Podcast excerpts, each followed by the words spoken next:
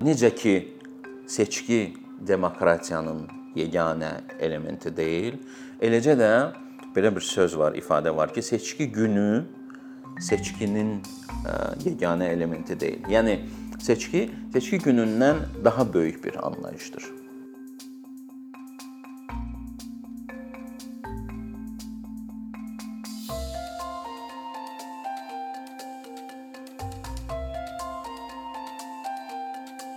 Təxminən onda biz 1989-cu ildən başlayası olacağıq. Çünki ə, belə bir anlayış var, 89 inqilabı.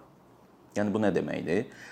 Kommunist sisteminin dağılması və ondan sonra yaranan yeni ə, ölkələrin, yeni millətlərin ə, idarəçilik formasını seçməsi, yeni idarəçilik forması seçməsi.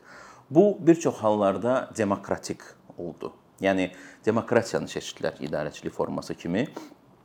Qərbi e, təqlid edərək, yəni bu Qərbin sanki bir imitasiyası idi və Qərbdən də buna dəstək gəlirdi ki, yeni yaranan dövlətlər bunlar demokratik olsun.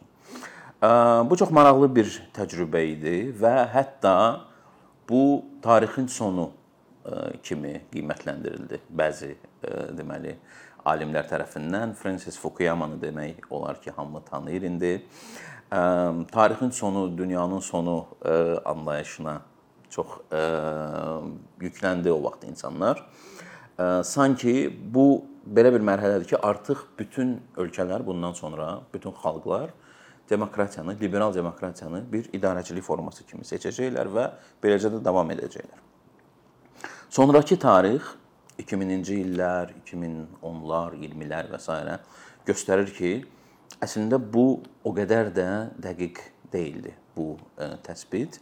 Çünki ə, e, demokratiyadan geri çəkilmə başladı.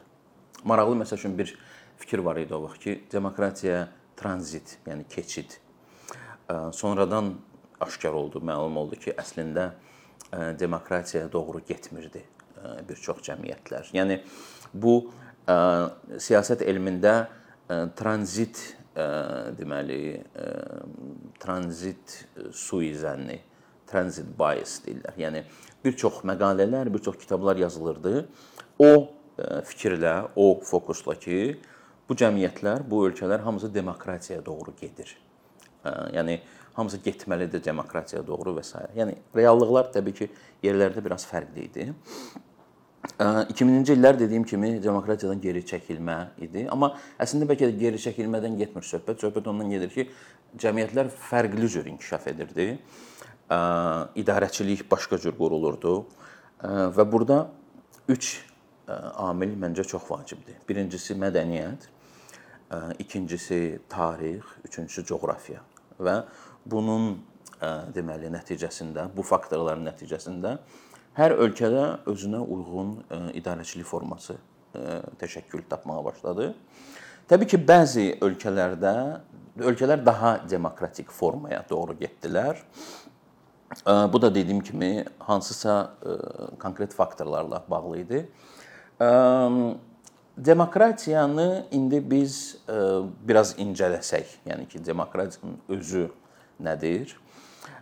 Belə bir çox yayılmış fikir var ki, seçki demokratiyanın əsas elementidir. Bu ə, təbii ki, doğrudur. Çünki ə, demokratiya xalqın hakimiyyəti anlayışı olduğu üçün burada kollegial idarə etmədən gedir söhbət. Kollegial idarə etmə üçün də gərək insanların belə deyək, əksəriyyətinin fikri ə, nəzərə alına. Ona görə məsəl üçün təmsilçi demokratiya anlayışı ortaya çıxır ki, insanlar seçilir və onlar xalqı təmsil edir. Liberal demokratiya da təmsilçi demokratiya kimi başa düşülür. Sosial demokratiya da eyni. Seçki təbii ki, çox mərkəzi elementidir. Çünki seçki həm də legitimlik verir. Yəni bir çox sənədlərdə və biz istinad edəcəyik, yəni Kopenhagen sənədi var 1990-cı ilin. Bu deməli Avropa Əməkdaşlıq və Təhlükəsizlik Konfransı yarananda ilk əsas fundamental sənəddir ki, ümumiyyətlə ölkələrin, bunu imzalayan ölkələrin ATƏT, sonradan ATƏT çərçivəsində deməli Birləşmiş Ölkələrin öhdəliklərini ortaya qoyur. Demokratiya və insan azadlıqları baxımından və çox detallı şəkildə açır. Məsəl üçün seçki necə olmalıdır və s. və s. O sənəd deyir ki, seçki demokratik idarə etmənin legitimliyini təmin edən əsas elementdir. Məsəl üçün bunu deyir. Amma təbii ki, seçki demokratiya üçün yetərlidirmi? Təbii ki, deyil. Və o sənəd dediyim kimi, yəni bir çox fərqli məqamlara toxunur ki, onlar olmadan demokratiya mümkün deyil. Təxminən belə. Məsəl üçün onlardan biri hüququn üstünlüyü anlayışıdır. Və sənəddə bir çox bəndlərdə bu qeyd olunur. Hüququn üstünlüyü, the rule of law məsələsi çox ciddi məsələdir. Və ya məhkəmələrin müstəqilliyi. Hə, bir anlayış olaraq, bir deməli konsept olaraq. Sonra birləşmə azadlığı. Birləşmə azadlığı ayrıca bir bənd kimi qeyd olunub ki, vətəndaşların, fərdlərin və ya qrupların istədikləri kimi birləşmək, təşkilatlar qurmaq, birliklər qurmaq, partiyalar yaratmaq və rəqabətdə iştirak etmək. Yəni hakimiyyət uğrunda rəqabətdə iştirak iştirak etmək hüququ var. Eyni zamanda birləşmələr sadəcə siyasi deyil. Məsəl üçün həmkarlar ittifaqı, müxtəlif fərqli maraqlar ətrafında ola bilər. Yəni söhbət sadəcə hakimiyyətdən getmir. Yəni vətəndaşların öz istəkləri və maraqları üzrə deməli birliklər yarada bilərlər. Bu da demokratik idarə etmənin vacib hissəsi hesab olunur. Ondan sonra toplaşmaq azadlığı, məsəl üçün, bu çox müzakirə olunan bir mövzudur demokratik sistemlərdə və toplaşmaq azadlığına nə qədər məhdudiyyətlər gətirilə bilər? Hakimiyyət tərəfindən, hökumətlər tərəfindən dövlət hara qədər icazə verməlidir və s. və s. Yəni bu da qeyd etdim. Yəni bunları biz sadalayırıq ki, seçkidən başqa hansı elementlər demokratiyanı təşkil edir. İfadə azadlığı çox vacib elementdir və əslində ifadə azadlığı bəzi nəzəriyyəçilərə görə həm də birləşmək və toplaşmaq azadlıqlarını özündə ehtiva edir. Yəni o da bir ifadə e, növü olduğu üçün e, ifadə azadlığı və mətbuat, söz azadlığı və s. Yəni bu daha çox vacib elementlərdir. Və s. və s. Yəni demokratiya ilə məşğul olan və hətta məşğul olmayan insanlar gündəlik deməli həyatda bu şeyləri çox eşidirlər. Siz məsəl üçün mətbuata baxırsınız, televiziya açırsınız, xəbərləri izləyirsiniz və görürsünüz ki, bir çox hallarda demokratik ə, idarə etməyə bir ideal olaraq yaxınlaşmaq üçün bu haqqda siz eşidirsiniz. Toplaşmaq, birləşmək, ifadə azadlığı, mətbuat azadlığı, jurnalistlərin məsəl üçün azadlığı Bunlar hamısı e, təşkil edir e, deməli demokratik e, sistemin əsas elementləridir də. Dediyimiz kimi, yəni seçki və bunlar.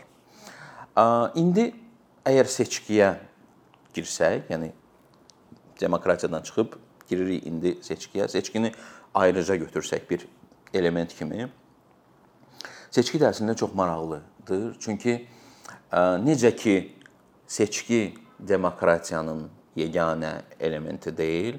Eləcə də belə bir söz var, ifadə var ki, seçki günü seçkinin e, yeganə elementi deyil. Yəni seçki seçki günündən daha böyük bir anlayışdır.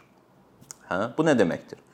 Bu deməkdir ki, e, seçki bir proses olaraq e, vətəndaşların azad, ədalətli qorxusuz, təzyiqsiz öz həm passiv, həm aktiv seçki hüququndan istifadə etmək imkanlarını ehtiva edir. Yəni aktiv və passiv seçki hüququ nədir? Siz seçilmək istəyirsinizsə, harasa, bu parlament ola bilər, prezident ola bilər, bələdiyyə ola bilər, bu passiv seçki hüququdur. Yəni sizi seçirlər.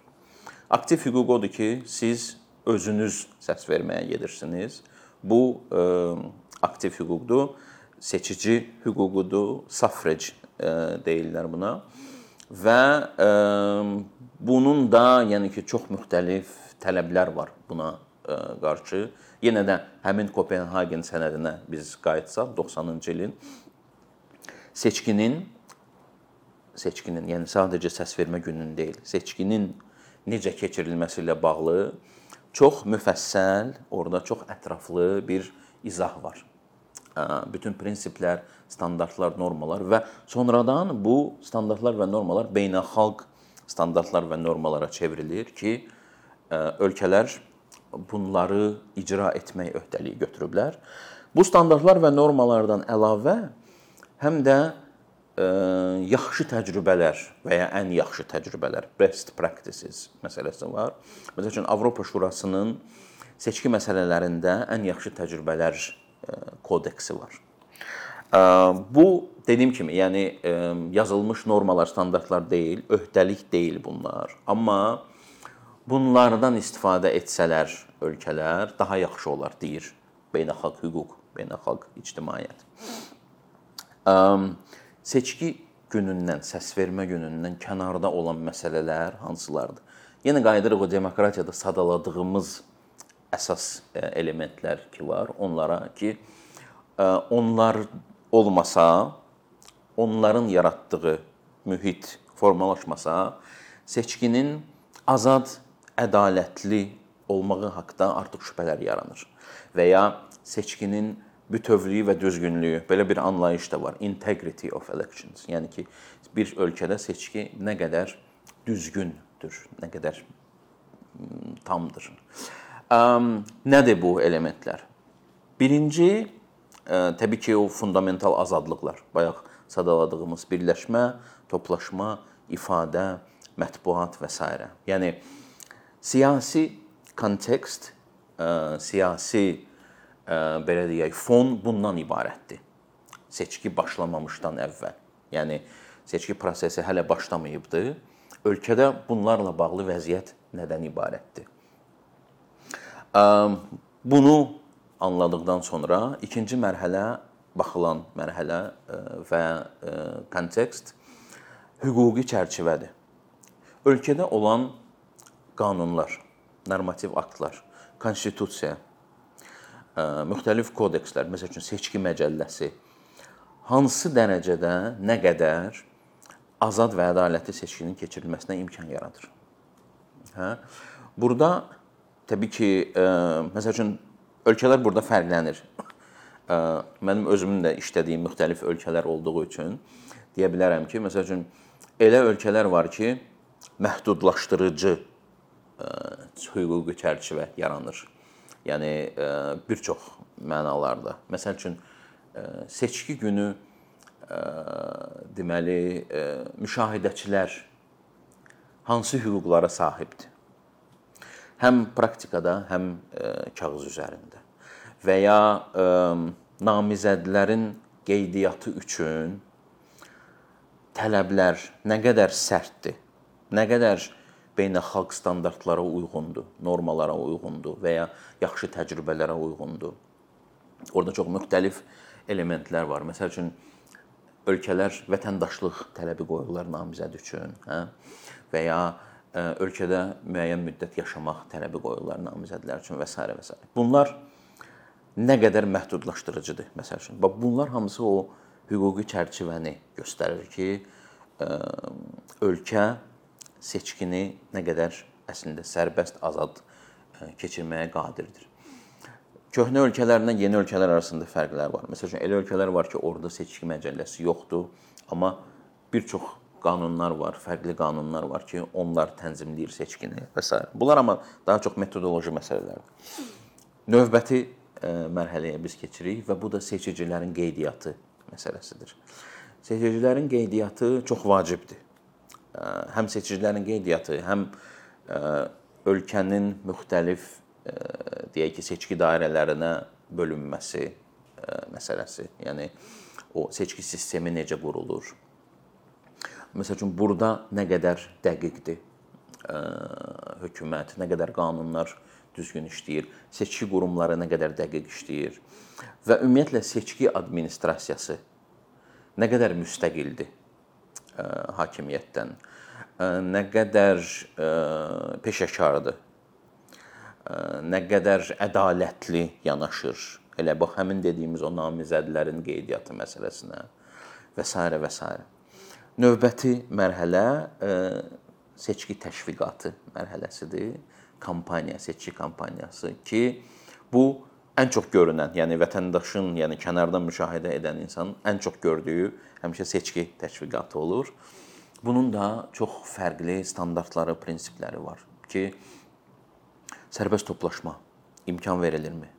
Məsəl üçün elə ölkələr var ki, problemlər yaranır bu ilə bağlı. Məhdudlaşdırıcı taktikalar, siyasətlər izlənir. Elə ölkələr var ki, sərbəstdir. Görürsünüz. Yəni bu yaxınlarda məsəl üçün Türkiyə seçkisini biz izləyirdik hamımız. Çox böyük auditoriyalar, çox fərqli siyasi görüşlər və çox maraqlı mesajlar. Düzdür, orada qütbləşmə məsəl üçün çox gözə çarpan idi. Bəzən hiss olunurdu ki, məsəl üçün nifrət var nitqlərdə, çıxışlarda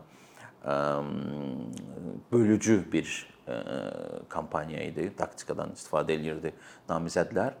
Amma çox vacib olan bir məqam var ki, sərbəst, azad keçirilir seçki təşviqatı.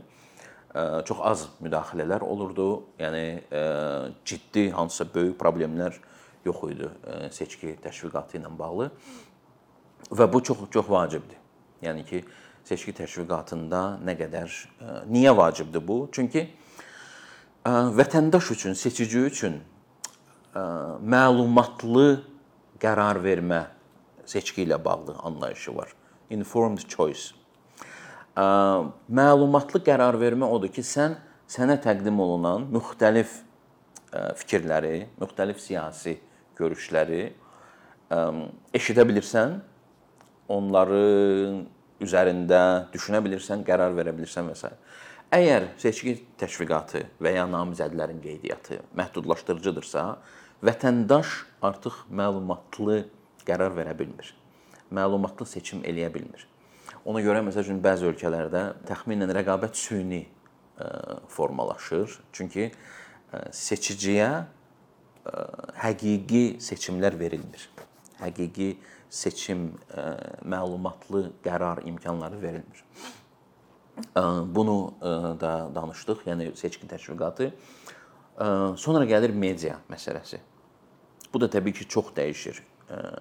Bu günlərdə sosial medianın, sosial şəbəkələrin inkişafı ilə daha əvvəllər belə idi ki, məsəl üçün qanunlar bütün namizədlərə, bütün partiyalara eyni dərəcədə məsəl üçün televiziyada e, imkanların yaradılmasını e, təmin edirdi və ya tələb edirdi.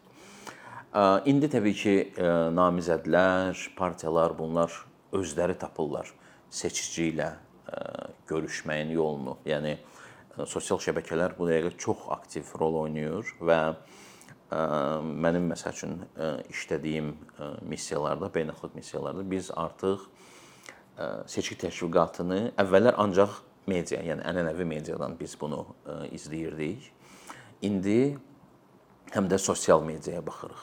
Düzdür, orada təbii ki, o ədalətlilik, dövlətin təmin etməli olduğu deyək ki, öhdəliklər, onlar biraz daha qəlizdir, daha mürəkkəbdir, e, bəzən yoxdur. Amma yəni prinsip nə idi əvvəllər? Ənənəvi media ilə bağlı e, dövlət və eləcə də özəl ə, media E, qurumları bütün e, deməli e, namizədlərə eyni şəraiti yaratmalı idi, aşağı yuxarı. Ədalətlilik prinsipi. Eyni zamanda seçki təşviqatı, kampaniyanın işıqlandırılması da ədalətli olmalı idi. sadəcə namizədə yer vermək deyil, eyni zamanda məsəl üçün necə işıqlandırılır. Yəni orada məsəl üçün bir namizədə 90%, o birisinə 10% vermək artıq ədalət prinsipini pozur. Bu da media məsələsi, yəni o işıqlandırma məsələsi. Məhkəmələr haqqında biz danışdıq. Məsələn, çox vacib element seçki prosesində bu şikayətlərin qəbul olunması, onların baxılması, məhkəmələr nə qədər müstəqildir, nə qədər qərəzsizdir bu məsələlərdə məsələn bu da çox vacibdir. Yəni gördüyümüz kimi çox böyük bir spektr var ki, seçkiyə necə baxılır və bayaq qeyd etdim, unutmadan onu da deyim ki, Kopenhagen sənədinin ayrıca bir bəndi var ki, bu sənədi imzalayan dövlətlər ki, bütün ATƏT ölkələri bunu imzalayıb, həm də yerli və beynəlxalq müşahidəçilərin seçkidə iştirakını təmin etməlidir.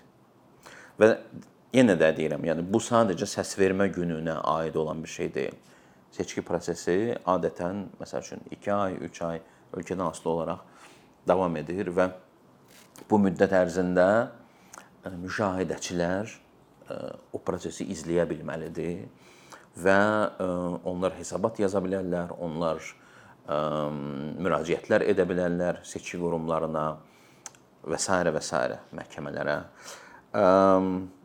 Gördüyümüz kimi, yəni necə ki demokratiya sadəcə seçkidən ibarət deyil, eləcə də seçki də sadəcə seçki günündən ibarət deyil. Yəni hər iki anlayış əslində çox daha genişdir və bunları belə də görmək lazımdır. Yəni və mənə elə gəlir ki, əgər biz demokratiyanı tam anlamaq istəyiriksə, sadəcə seçki ilə məhdudlaşa bilmərik.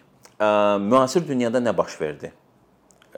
Əvvəllər düşündüyümüz kimi seçki demokratik seçki və ya seçki bir proses kimi, bir alət kimi sadəcə demokratik sistemlərə aid deyil. Və bu haqqda bir çox ədəbiyyat var.